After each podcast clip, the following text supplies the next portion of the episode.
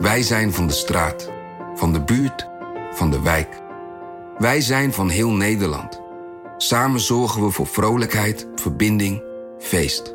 Samen brengen we in één jaar tijd 349 miljoen euro bij elkaar. Miljoenen waarmee onze goede doelenpartners de wereld groener, gezonder en rechtvaardiger kunnen maken. Nationale Postcode Loterij. Samen voor een betere wereld. Artificial intelligence verlegt ondernemersgrenzen. Maar hoe werkt dat voor u? Als transformatiepartner helpt Capgemini u kansen te ontdekken en benutten, zodat we uw ideeën tot leven brengen. Vorm uw eigen mogelijkheden met generative AI. Ontdek meer op capgemini.nl/slash AI. Capgemini. Get the future you want.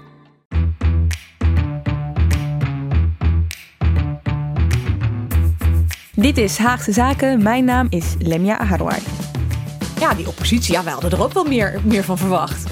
Welke Nederlandse kiezer had kunnen bedenken dat zij stemde op een partij die zich vervolgens uh, vooral als exportproduct zou gaan profileren? En je ziet dat heel veel mensen bij de oppositie gewoon simpelweg afwezig zijn. Dus het lukte, het lukte mentaal en fysiek niet om een blok te vormen. Uh, degenen die toch aandacht uh, nodig hebben, die zoeken het in spektakel buiten de Kamer. Er zijn ook niet zo heel veel lekkere onderwerpen die zich op dit moment lenen voor stevige oppositie. Nou, het is ook een vak. Hè? Dus kijk, politiek lijkt vaak makkelijker dan het is. Deze week over een groep politici waar we veel over horen, maar tegenwoordig weinig van horen. We gaan het hebben over de oppositie. Emily van Outeren en Tom-Jan Meijers, die zitten hier bij me. Hallo allebei. Hoi. Hoi. In die categorie hoorden we afgelopen week uh, veel uh, over GroenLinks. Geachte heer Grashof, beste Rick. We zeggen het vaak. Geen dag is hetzelfde in de politiek. Maar vandaag is de dag waarvan je niet wilde dat deze zou komen. Ja, dit is uh, Khadija Ariep, de Kamervoorzitter, uh, tijdens het afscheid van GroenLinks-Kamerlid Rick Grashof. Waar gaat dit over, Emily? Nou, dit is een hele pijnlijke vertrek van Rick Grashoff. Die uh, twee periodes Kamerlid is geweest voor GroenLinks. En nu weg moet omdat hij een relatie heeft. Naast zijn 22-jarige relatie met de moeder van zijn kinderen. Heeft hij ook een relatie met de voorzitter van de partij. Uh, op zich vinden ze dat in GroenLinks volgens mij niet zo erg. Behalve dat hij één erover gelogen heeft. Het, niet alleen, het heeft verzwegen. Toen het uitkwam is blijven liegen over de duur ervan. Want die relatie bestond al zo lang dat Marjolein Meijer, de partijvoorzitter, of inmiddels ex-partijvoorzitter, ook zij vertrok, uh, betrokken was bij de kandidatenlijst samenstelling waar hij ook op stond. En dat uh, maakte dat ze allebei hebben moeten vertrekken. De schijn van belangenverstrengeling heet dat dan. Ja, en vooral ook de leugens erover. Ja, ja, ja, ja. waarom loog ze eigenlijk over wanneer? Want... Nou, zoals Grashoff in zijn afscheidsbrief zei, die Ariep voorlas ook woensdag, was het zowel qua werk als privé niet de bedoeling dat dit uh, ja. daglicht zag. Ja, een beetje pijnlijk. Tom Jan, waarom is dit erg? Uh, puur zakelijk gezien, dus los van de uh, menselijke kant ervan? Nou, als het goed is komen partijen het nieuws met hun plannen voor uh, het land. En niet uh, met intern gedoe. En uh, zeker niet met uh, verhalen waaruit blijkt dat partijgenoten elkaar moedwillig de waarheid onthouden. Grote verhaal dat hierachter zit, want goed, Grashof is weg inmiddels en er komt een vervanger voor. En Klaver kent die vervanger ook goed. Wat gebeurt er bij GroenLinks achter de schermen? Want je zegt, dit is pijnlijk, Tom Jan. Maar ja, de, wat is het groter verhaal erachter? Nou, het is eigenlijk interessant hoe de GroenLinks-fractie natuurlijk heel veel groter is geworden bij de vorige verkiezingen. Ze waren met z'n vieren, toen waren ze met z'n veertienen. Daar is best wel wat gedoe in geweest. Gek is dat ze er eigenlijk vrij open over waren dat ze van de oudgediende af wilden in die fractie. Niet alleen Rick Grashoff, maar ook Lisbeth van Tongeren en Linda Voortman, die allebei via de voordeur gaan en wethouder worden. In Den Haag en in Utrecht. Wie wil, wie van ze af? Nou, Klaver. Uh, dat was eigenlijk, daar is wel erg hun best gedaan om die mensen uh, wethouder te maken. Lisbeth van Tongeren was eerst ook al laag of niet op de lijst gezet. Dus hij wil graag nieuw bloed, eigen vertrouwelingen in die fractie. En dat soort dingen gebeuren natuurlijk wel vaker. Uh, maar dit ging wel heel openlijk. Dat een van de nieuwe Kamerleden, meneer Paul, Smulders, die was actief in de lokale politiek. En dan werd gevraagd van, ga je daarmee door? Toen zei hij, nee, ik denk dat ik wel de Kamer in ga binnenkort. En dat, ja, dat, dat en Philip de Witwijnen, onze collega, die heeft ook geschetst hoe hoe dat dus de verhoudingen binnen GroenLinks nu gaan schuiven. En het kan dat het dan allemaal pijns en vree is. Maar het kan natuurlijk ook dat er verder onrust ontstaat over portefeuilles. Er moet nu een fractiesecretaris komen. Ja, ook, we hebben het over de, de grote macht hier. Over wie de beslissingen neemt over het land. Maar je hebt ook machtspolitiek binnen zo'n partij. Ja, beetje pijnlijk om te zeggen dan, maar deze affaire komt GroenLinks dan op een bepaalde manier ook wel goed uit. Ja, maar ik, ik geloof ook dat is wel waar. Maar het, is, het grote verhaal is volgens mij wel dat GroenLinks sinds uh, Femke Halsema daar de leider is geworden... een reputatie heeft van uh, echt vrij uh, vervelende, een beetje giftige onderlinge conflicten. En dit bevestigt dat allemaal. Dus uh, ja, ik geloof inderdaad wat je zegt is waar. Dat Klaver nu een paar mensen kwijt is die die al langer liever kwijt wilde zijn. Maar nogmaals, je, je wilt op deze manier niet in het nieuws komen. Nee. nee. je wil het op de nette manier doen. Je wil iemand een wethouder maken of iets anders wat je als een succes kan, ja. kan zien. Nou, zo liep het dus eigenlijk uiteindelijk niet. En uiteindelijk is dit ook wel een goed voorbeeld van uh, de oppositie, die vooral met zichzelf bezig lijkt te zijn.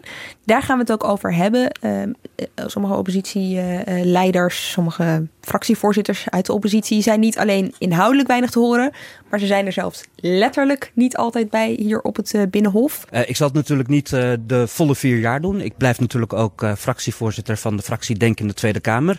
maar een poosje in de gemeenteraad, in ieder geval in de periode, in de eerste weken, maanden, zal ik actief zijn in de Rotterdamse gemeenteraad. Ja, dit is Toenahan Kuzu, die dus tijdelijk stopt als fractievoorzitter van Denk, omdat hij zich bezig wil gaan houden met de lokale fracties.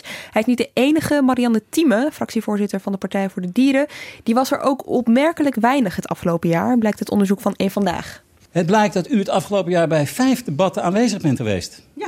Dat is niet heel erg veel. Waarom eigenlijk? Omdat wij als Partij voor de Dieren ook buitenparlementair zeer actief zijn. De Partij voor de Dieren is het uh, toch wel het succesvolste exportproduct. We hebben inmiddels 18 partijen voor de dieren in de wereld. En dat is ook mede dankzij alle inzet die wij als partij en ik persoonlijk doe om daar partijen uh, opgericht te krijgen. En dat heb ik ook heel veel gedaan. Ja, ik zou toch denken, dit is toch heel gek? Zeker, exportproduct. Ik, uh, ik, welke Nederlandse kiezer had kunnen bedenken dat, je, dat zij stemde op een partij die zich vervolgens uh, vooral als exportproduct zou gaan profileren? Dat is natuurlijk heel bijzonder. En bij Denk is het natuurlijk ook uh, redelijk vreemd dat een partij die ambitieus voor de eerste keer meedoet. En dan kiezen ze na een half jaar te horen krijgen: ja, we moeten de partij uitbouwen. Dus het parlementaire werk heeft even minder belang. Het is buitengewoon vreemd. Het is eerlijk gezegd niet te verdedigen. Je ziet het ook bij Forum voor Democratie. Hè? Baudet is, Hiddema is hier zelden. En Baudet zegt ook hardop... ja, waarom zou ik bij een debat gaan zitten? De herhaling van zetten. Ik, ga, ik moet uh, elders mijn boodschap verkondigen. Die vliegt ook de wereld over. En is uh, bezig om die partij op te bouwen... om mee te doen voor de Eerste Kamer. Het is op zich logisch. Dat moet ook gebeuren. Alleen moet je zelf met je salaris als Kamerlid... je fulltime bezighouden met je partijopbouw. Kan je daar niet andere mensen voor vinden... zodat je zelf hier inhoudelijk kan debatteren. Ja, ja, en dan heb je natuurlijk ook de politici die er, wel zijn. Dus die wel gewoon echt hier rondlopen op het Binnenhof. Maar die uiteindelijk ook vooral bezig zijn met zichzelf. Uh, ik bedoel, uh, laten we beginnen met de PvdA bijvoorbeeld. Die volgens mij nog steeds de scherven aan het opruimen is van wat er maart vorig jaar gebeurde tijdens de Tweede Kamerverkiezingen. Ja, je ziet bij de Partij van de Arbeid ten eerste dus dat zij ook Kamerleden verliezen. Dat uh, eerst Jeroen Dijsselbloem, maar nu Sharon Dijksma van die oud-gedienden ook denken... ja, dat Kamerwerk, ik heb het wel gezien. Hoewel Asscher nieuw als Kamerlid, want hij is natuurlijk naar Den Haag gekomen om vicepremier te worden, uh, wel zichtbaar is, ligt die partij nog steeds op zijn gat en moet daar ook heel veel gebeuren. En je ziet het ook bij de SP. Die hebben uh, Lilian Marijnissen nu als nieuwe partijleider. Die zit ruim een jaar in de Kamer, dus dat is ook voor haar nog allemaal nieuw. Mm -hmm. En die mhm. partij heeft tegelijkertijd allerlei problemen met mensen in de provincie die weglopen. Mm -hmm. En dan uh, nog eventjes hebben over de grote afwezige, tenminste degene die heel erg niet opvalt. En dat is Geert Wilders. Ja, Geert Wilders die valt, die is, is recentelijk er weer in geslaagd om op te vallen.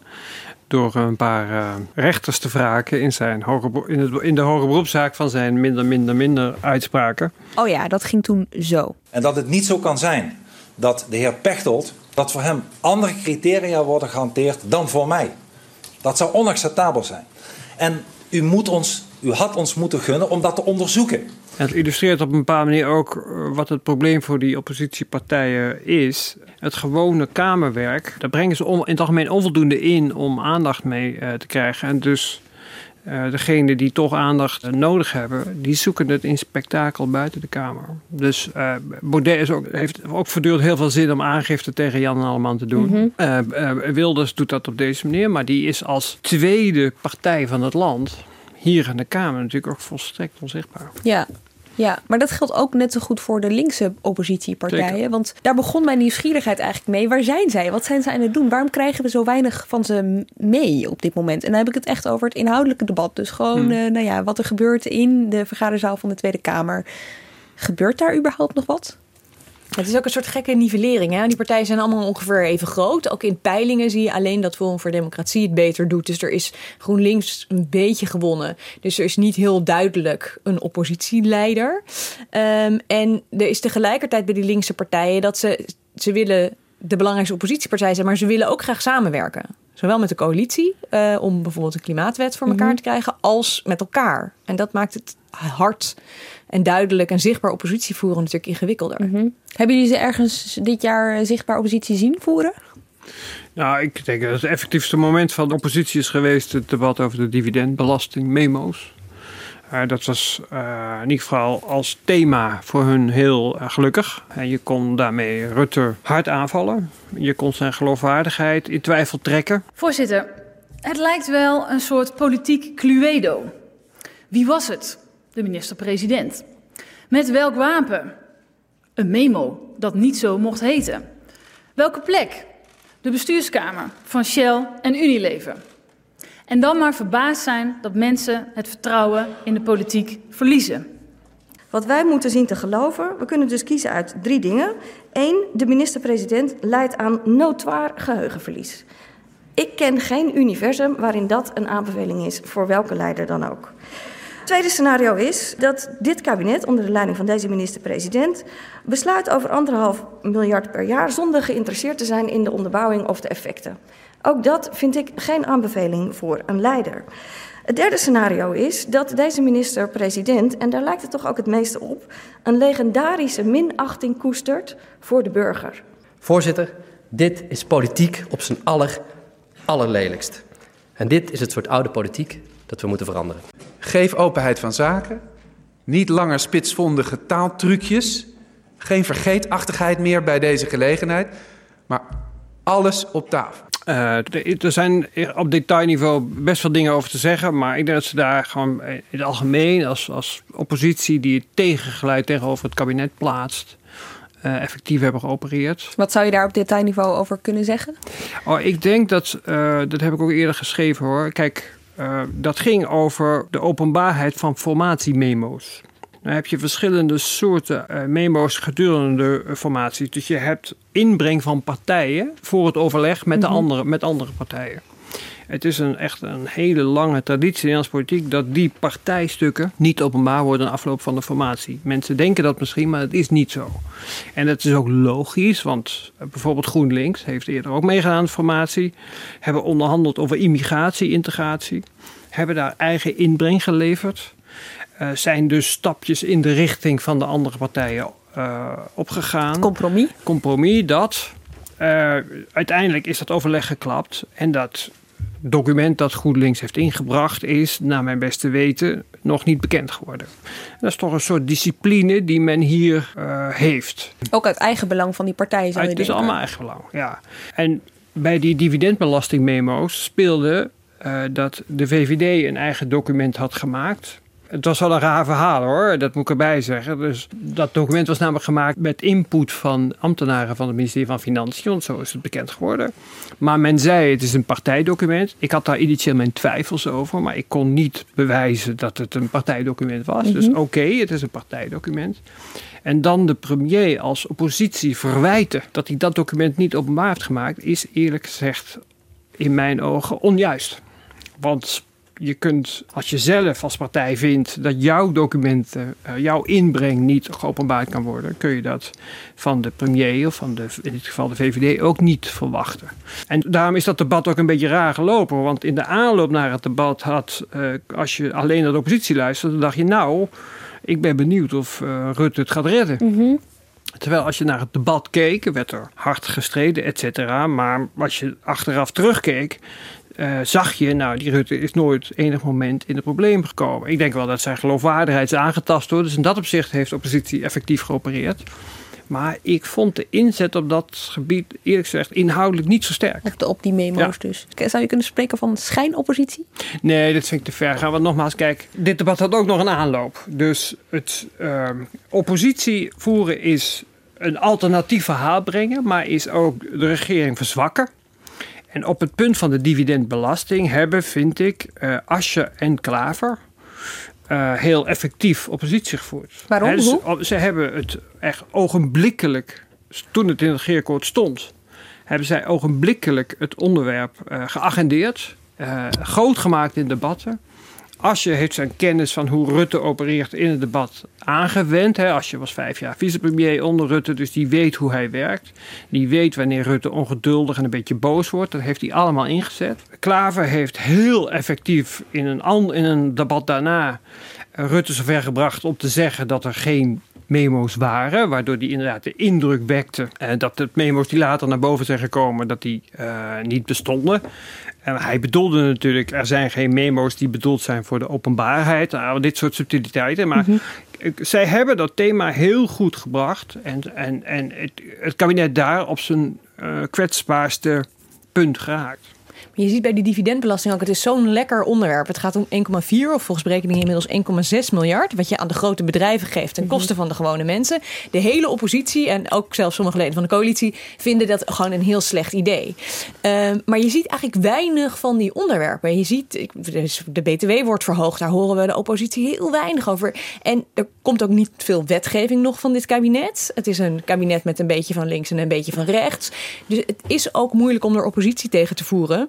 Zeker in een moment, dat moeten we niet vergeten, dat, het, dat we een kabinet hebben met een meerderheid in zowel de Tweede als de Eerste Kamer. Wat Rutte 1 en Rutte 2 niet hadden. Waardoor de oppositie machtiger was, deeltjes kon sluiten, dingen kon vragen van de coalitie. Dus dat maakt ook dat het, de dynamiek gewoon anders is. Er zijn ook niet zo heel veel lekkere onderwerpen die zich op dit moment lenen voor stevige oppositie. Maar ja, dan zou je als oppositie natuurlijk kunnen agenderen. En dat gebeurt volgens mij ook niet bepaald. Nee, maar kijk, dat vergt ook, als je, je kunt pas echt als oppositie effectief agenderen als je vormen van samenwerking hebt. Dus als je als een individuele partij, laten we zeggen 50 plus of eh, Forum of een individuele partij een individueel voorstel doen, dan weet je eigenlijk gelijk, nou ja, die hebben niet genoeg zetels om dat enige betekenis te doen zijn. Dus dan vergt effectief samenwerken in deze constellatie dat je als oppositie vormen van samenwerking aangaat. En wat veel van die partijen eigenlijk kenmerkt, is dat ze daar juist geen enkele ambitie voor hebben, maar eigenlijk ook niet de kracht, het vermogen.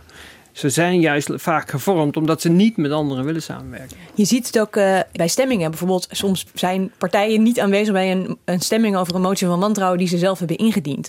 Of zijn er nachtelijke debatten met een filibuster en dan is er gewoon braaf. De coalitie heeft dan de discipline, die zijn hier met z'n allen om eventuele moeilijke stemmingen te blokkeren. En je ziet dat heel veel mensen bij de oppositie gewoon simpelweg afwezig zijn. Dus het lukt ze, het lukt ze mentaal en fysiek niet om een blok te vormen.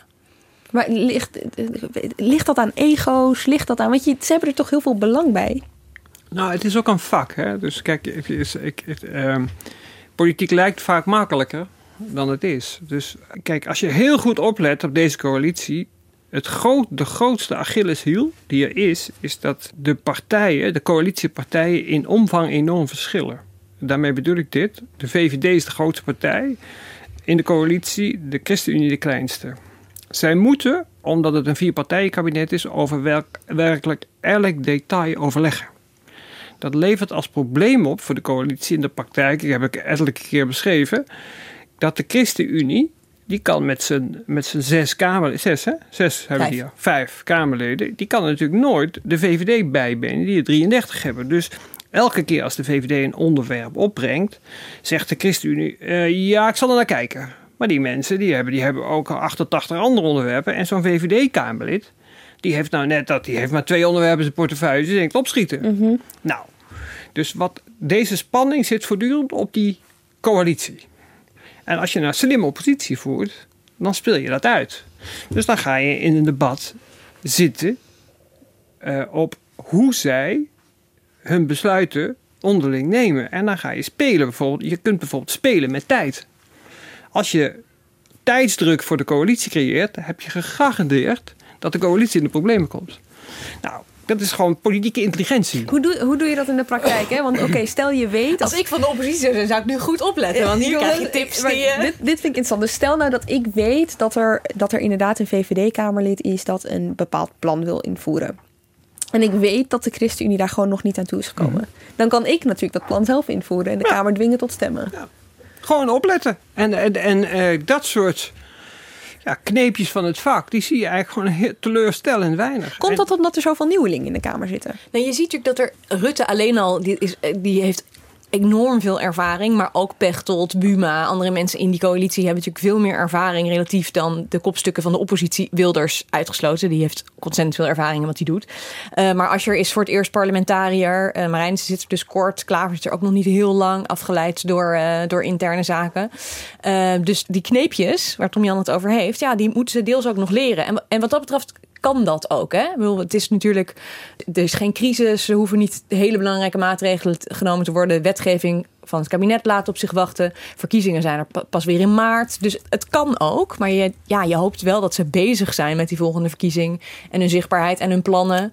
En dat we daar binnenkort iets van gaan zien. Ja, eigenlijk is het een beetje lastig dat het economisch zo goed gaat. Zou je dat kunnen zeggen? Ja, maar ook dan, kijk, iets anders wat ook, die bal ligt ook echt al maanden op de stip. En ik heb in ieder geval niet gezien dat, die, dat iemand zelfs maar een poging doet dat, dat schot te lossen. Een aanloopje te nemen. Klimaat. er zijn, op, de, op dat gebied zijn er twee dingen aan de hand. Klimaatwet en klimaatakkoord. Klimaatakkoord wordt gesloten door de polder. Ik val het kort samen. Klimaatwet is een project van de Kamer. In beide zie je eigenlijk dat CDA en VVD aarzelen. Dus formeel steunen ze het allemaal, maar ja, het is toch... Daar worden stappen gezet waarvan die partijen en hun achterban nooit helemaal enthousiast zullen worden. Dus ook hier kun je als oppositie natuurlijk op deelonderwerpen partijen dwingen. Je, is, we voeren nu al voortdurend debatten over, over aspecten daarvan. En iedereen zit achteraf. Zit, zit achterover. Nou, het is niet waar. Op het punt van de klimaatwet is er een informeel overleg. Dus dat, wordt dat samengewerkt, bestaat. toch? Dat, daar wordt samengewerkt. Maar, en, en dat samenwerken is ook wel logisch. Maar het is, ook daar zie je dat eigenlijk dat de oppositie niet in staat is. de kwetsbaarheid van de coalitie te agenderen. terwijl die echt open en bloot. Oké, maar jongens, vertel me nou, hoe kan dit dan? Waar ligt dit aan? Ik bedoel, als, je, als, als, als, als, als journalisten dit al heel makkelijk kunnen analyseren, wat is het, waarom gebeurt er dan niet bij politici wiens vak het is? Nou, ik denk ook dat we sommige dingen niet zo goed zien. Uh, Wilders bijvoorbeeld is echt niet uit zijn oppositiestand of uit zijn contramine of, of anders geworden. Hij heeft, meer, hij heeft zetels gewonnen. Hij is echt nog wel een stevige uh, oppositiestem. Alleen hij is net een beetje minder in beeld. En dat komt ook omdat er natuurlijk dingen in de coalitie zijn die afleiden. Dus uh, Die oppositie gaat voeren tegen het neoliberalisme. Of uh, D66'ers, VVD'ers, CDA'ers die dingen anders willen dan hun drie coalitiegenoten. Dus meer dan mijn twee partijen coalities, als we die hadden, is er al van alles te beschrijven in de dynamiek van de coalitie. Die ook maakt dat een plannetje van de oppositie, wat bij voorbaat kansloos is, want de coalitie heeft de meerderheid, misschien niet de aandacht krijgt die het in een andere periode wel had gekregen. Ik denk dat dat ook wel meespeelt. En je, het gek is dat je ook ziet dat ze bij de coalitie op een of andere manier niet zo goed weten wat ze ermee aan moeten.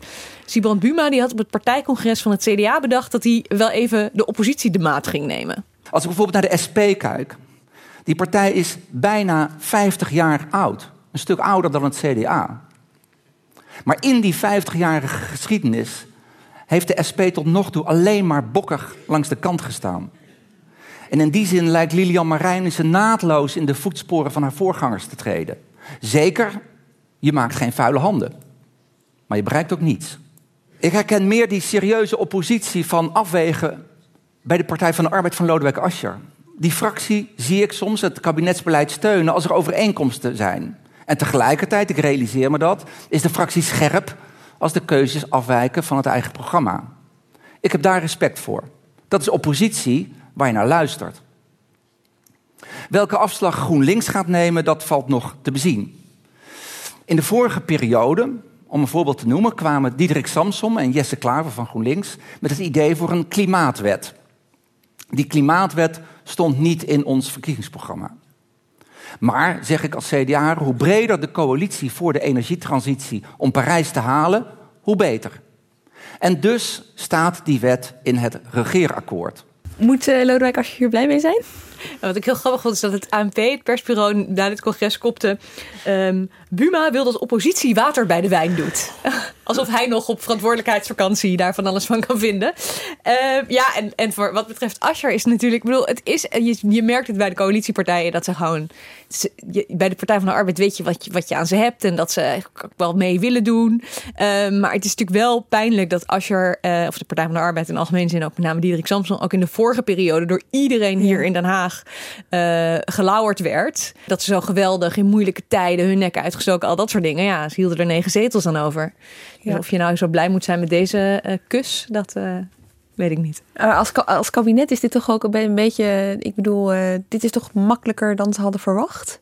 Met 76 zetels, weet je wel. Ik zou denken, die oppositie die gaat ons echt fileren de komende vier ja, dus, jaar. Er was een, uh, een stuk in het AD ook over de onzichtbaarheid van de oppositie. Daar werd dan weliswaar dan een beetje laf anonieme coalitiepoliticus in opgevoerd. Die basically zei van ja, die oppositie, ja, wij hadden er ook wel meer, meer van verwacht. En vervolgens met wat tips kwam. Dus uh, ja, dat, uh, ik vind ook wel een beetje een tikje arrogant hoor. Want als ze over een half jaar het anders, uh, de kaarten anders geschud zijn. Of als bijvoorbeeld niet onwaarschijnlijk in maart de provinciale staatsverkiezingen zo uitpakken dat die meerderheid in de Eerste Kamer weer verdwenen is. Denk ik, ja, is het dan, wat heb je er dan precies aan om nu de oppositie op te roepen water bij de wijn te ja. doen? Nee, maar ik vind eerlijk gezegd, deze Buma die grenst toch wel aan de totale hypocrisie. Want onder Rutte 2 had je, hè, wat Emilie net schetste, had je vanwege gebrek aan meerderheid in de Eerste Kamer, had je voortdurend deeltjes van de coalitie met de oppositie. Uh, Pechtel, de ChristenUnie, zelfs SGP. En uh, Buma was daar nooit bij, want die deed één ding niet. Die weigerde één ding niet. Die zei, ik ga niet in de oppositie in de achterkamertjes zitten overleggen. En hij verwijt nu Klaver, of althans hij begint Klaver, hij, hij heeft vragen over Klaver. Maar de werkelijkheid is, over die klimaatwet waar we het eerder over hadden, zit Klaver achter gesloten deuren ja. met de coalitie te onderhandelen. Dus ja, uh, hoe wil je het hebben? Buma is hier erg goed weggekomen, vind ik. Ja, ja. Wat wel zo is, is dat, dat Buma wel in de vorige periode ook voor zijn eigen toekomst wilde laten zien hoe belangrijk oppositie voeren is en dat het gezond is dat we een oppositie hebben die nee zegt of uh, ja, een totaal ander pad inslaat. Mm -hmm. uh, en niet alleen en niet denkt, oh, ik kan hier iets kleins binnen sprokkelen, uh, dus dan doe ik dat maar. dat, dat, ja, dat is belangrijk dat sommige partijen dat doen. Maar het is ook ongezond als het en ook het beeld ontstaat dat iedereen het in Den Haag zo heel erg met elkaar eens is de hele tijd. Dat is voor het politieke vertrouwen ook niet gezond. Ja, en dat geldt ook voor de oppositie. Ik bedoel, uh, toen de nieuwe Kamer net was uh, geïnstalleerd, toen ging het er heel vaak over wie wordt de nieuwe leider op links. Dat was echt de vraag die iedereen. Die vraag wordt niet eens meer gesteld, omdat niemand zijn best doet om überhaupt die leider te worden. Ja, ik ga ervan uit dat ze wel hun best doen. Ik ga ervan uit dat zowel Klaver als Ascher als ook merk jij, Maar merk je strijd op links? hun best doen. Nou, niet onderling. Dat, uh, ik, ik, weet niet, misschien zie jij dat, maar ze, ze, ze zijn voorzichtig naar elkaar. Uh, ze zijn natuurlijk ook niet zo groot dat ze zich dat kunnen permitteren. En, en, het laatste wat ze moeten doen is het niet meer met elkaar eens zijn, mm -hmm. want dan is de blokvorming helemaal voorbij. Uh, maar als je nou zou zien dat GroenLinks of de SP of de Partij van de Arbeid op 25 zetels stond in de peilingen, dan zou het makkelijker zijn om het, dat leiderschap toe te eigenen. En nu kan eigenlijk niemand dat goed doen. Nee, maar bovendien, wat is politiek leiderschap? Is dat hoogstaan in de peilingen of iets doen dat de, de werkelijkheid of de politieke verhoudingen verandert? De vraag dus stellen je, is hem beantwoorden. Als je, nee, als je het zo bekijkt. Klaver staat, staat tegenwoordig structureel als grootste op links. Goed gedaan in de gemeenteraadsverkiezingen ook, dat helpt. Ja, hoewel die dat oversold heeft. Hè, want zijn uh, Het is historisch wat er gebeurt. percentageuitslag was slechter dan van D66. Mm -hmm. Dus uh, historische uitslag, het leek me een tikkeltje overdreven. Maar hoe dan ook, hij staat als beste op links. En dan is dat, dat kun je incasseren zoals hij dat nu doet. Door gewoon zijn dingen te doen hier in de Kamer. Of je kunt ook van tijd tot tijd eens een stap zetten. En eigenlijk is het natuurlijk met links. Kijk, links in Nederland zit in een crisis, daar kun je niet omheen. Die, die, die, die, die vleugel is, is, is, is, zit in de krimp. En de, de groei van Klaver, hoe vaak die ook historisch zegt. Het is historisch wat er gebeurt. is, compenseert lang niet het verlies van de andere partijen. Met andere woorden, juist voor hem, als je de grootste bent en je gelooft nou echt in linkse samenwerking, dan zet je daar een stap. Dus dan maak je het groter. Dan, dan nodig je partijen uit om het groter te maken. Dan probeer je iets echt te veranderen op links. Nou, dat ziet allemaal niet gebeuren. Ik wil nog even hebben over mijn uh, geromantiseerde versie van wat politiek zou moeten zijn. Een ideeënstrijd, hm. vooral in de Tweede Kamer. Uh, dat is het weinig. Weet je, als, we ook, als ik luister naar de voorbeelden die jullie net gaan, bijvoorbeeld dividendbelasting, dan was het eigenlijk heel erg ja, het spel toch? Hè? Weten wanneer, hoe, hoe je iemand op zijn zwaktes uh, pakt. Als we teruggaan in de geschiedenis, wanneer was het dan voor het laatst dat de Kamer hier echt een ideologische strijd aan het voeren was? Nou, dat was in de jaren 70. Ja, zo lang is dat geleden. Dus uh, we hebben eigenlijk sinds uh, de, de vorming van het kabinet Lubbers 1 in 1982 voor Joost Eertmans overigens dit detail. Toen was de P van de A de grootste partij en werd in de oppositie gedrongen. Maar uh, in bij de vorming van het kabinet Lubbers is eigenlijk is, is, voor het, is voor het eerst in de moderne geschiedenis een strak regeerakkoord gemaakt. Zodanig met, met, met, uh, met fors beleid, echt forse bezuinigingen. Eerlijk gezegd van een omvang en in een, in een tempo dat we sindsdien niet meer hebben gezien. Het begrotingstekort was toen ook 11 of 12 procent. Dus er was ook wel iets anders aan de hand dan wat we sindsdien hebben gezien. Maar een strak regeerakkoord. En die partijen voerden dat gedisciplineerd uit. En dan had je het effect dat we nu eigenlijk, dat we sindsdien eigenlijk altijd hebben. Nadat de formatie voorbij is en partijen hun afspraken hebben gemaakt, slaat het debat in de Kamer dood omdat iedereen weet, ja, de coalitie steunt het. En zolang de coalitie het onderling uh, elkaar niet de tent uitvecht, uh, heeft, hebben de Kamerdebatten niet zoveel zin. Uh, de, en in de jaren zeventig had je het kabinet NL, dat is natuurlijk om allerlei redenen bekend geworden. Het is niet zo bekend geworden over het feit dat het een extra parlementair kabinet was. Dat betekent, die hadden geen regeerakkoord. Dus die hadden allerlei ambities, maar die hadden geen afspraken met de Kamer. Niks. Niks. En dat betekent, dat betekende dat al hun voorstellen relatief blanco naar de Kamer gingen en daar bedeputeerd werden. En in de meeste gevallen steuvelden die voorstellen om die reden ook. Maar dat is, um, en er zijn mensen geweest die hebben gezegd, en er zit ook wel wat in, dat de slechte economische toestand die Lubbers in 82 aantrof, dat die mede het gevolg was van dat relatief impotente kabinet. Maar in ieder geval, toen had je, en dat is een kwaliteit, een kabinet dat eigenlijk dat de het eigen profiel bood, maar ook de oppositie kans van tegengeluid bood. Dus nou, sinds 82 doen we dat eigenlijk niet meer. En je, daar kun je als liefhebber van de democratie je vragen bij hebben. Ja, want het is een rol. Ik bedoel, de oppositie heeft een rol in de, in de democratie. Zeker, Ze heeft geen coalitie meer die, die dit zo zou durven. Er is, wordt elke keer weer, weer gezegd: nee, je moet niet alles dichttimmeren in een regeerakkoord. En toch komt er dan weer een regeerakkoord waar tot achter de komma uh, is vastgelegd. En partijen zich committeren aan beslissingen. Uh, op de kleinste details. Mhm. Laat staan dat er een grote, grote debatten over ideologische richtingen voor, uh, voor Nederland kunnen worden bediscussieerd. Gebeurt dat eigenlijk binnen partijen überhaupt nog? Nou, daar natuurlijk ook steeds minder. Maar dat komt omdat het heeft met partijen te maken. Die hebben steeds minder leden, steeds minder geld, steeds minder aanzien. Dus die zijn ook steeds minder een magneet voor interessante mensen en dus interessante debatten. Nog even over oppositie. Wat wel heel belangrijk is. Kijk, sinds wij die strakke regeerakkoorden hebben en sinds we relatief weinig debat in de Kamer hebben, is het ook zo dat de maatschappelijke polarisatie toeneemt. Dus hier voldoet de politiek, althans de volksvertegenwoordiging, niet aan een elementaire functie. Je moet maatschappelijke geluiden kanaliseren hier in Den Haag. En door die praktijk van strakke regeerakkoorden wordt het geluid van de oppositie sindsdien eigenlijk standaard niet meer gekanaliseerd. En dat betekent, simpel gezegd, het is een beetje schematisch weergegeven, altijd gevaarlijk. Maar simpel gezegd komt het neer dat je daarmee stimuleert dat in de maatschappij meer conflict en controverse ontstaat en de politiek het relatief rustig houdt, maar vooral goed zorgt voor zichzelf. En niet voor uh, de functie als vertolker van maatschappelijk geluid. En het versterkt elkaar, denk ik ook. Want ja, eh, eh, het weet je, versplinterende resultaten van Tweede Kamerverkiezingen, dat zorgt er dus voor dat mensen zich. Dat mensen zich niet gehoord voelen op welk gebied dan ook. Of ze nou ouderen zijn of ze allochtoon zijn, dat maakt in principe niet uit.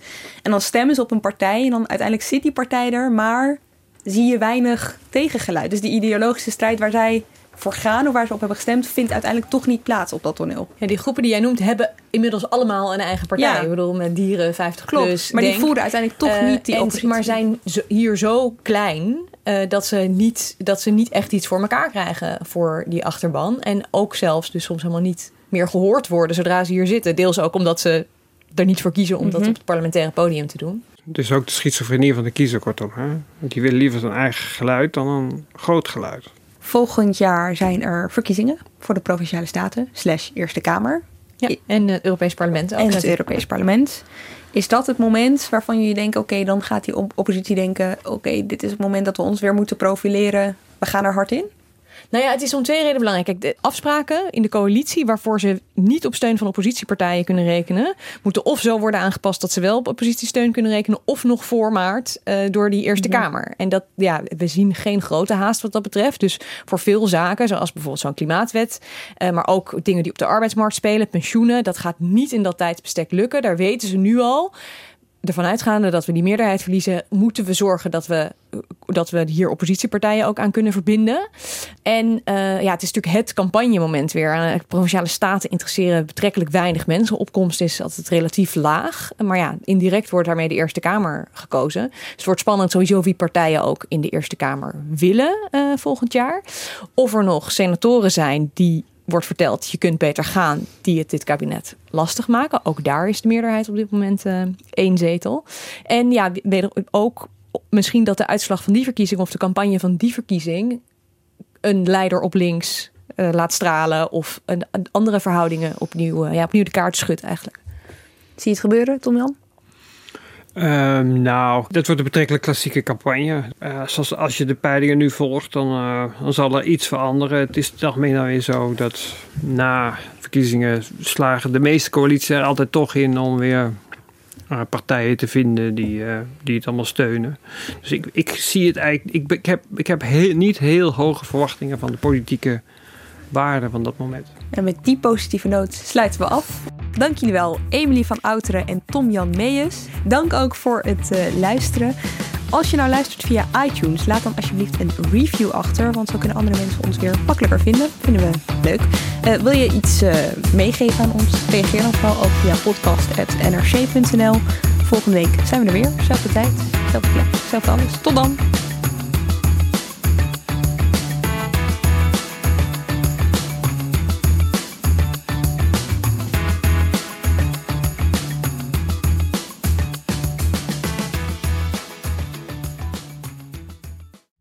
Jaren ondernemer, maar waar moet ik eigenlijk allemaal aan denken nu ik voor het eerst personeel wil aannemen, voor het eerst ga importeren of voor het eerst een bedrijfslocatie zoek? Weet wat je wel of niet moet doen bij zaken die je voor het eerst oppakt. Check kvk.nl voor praktische stappenplannen.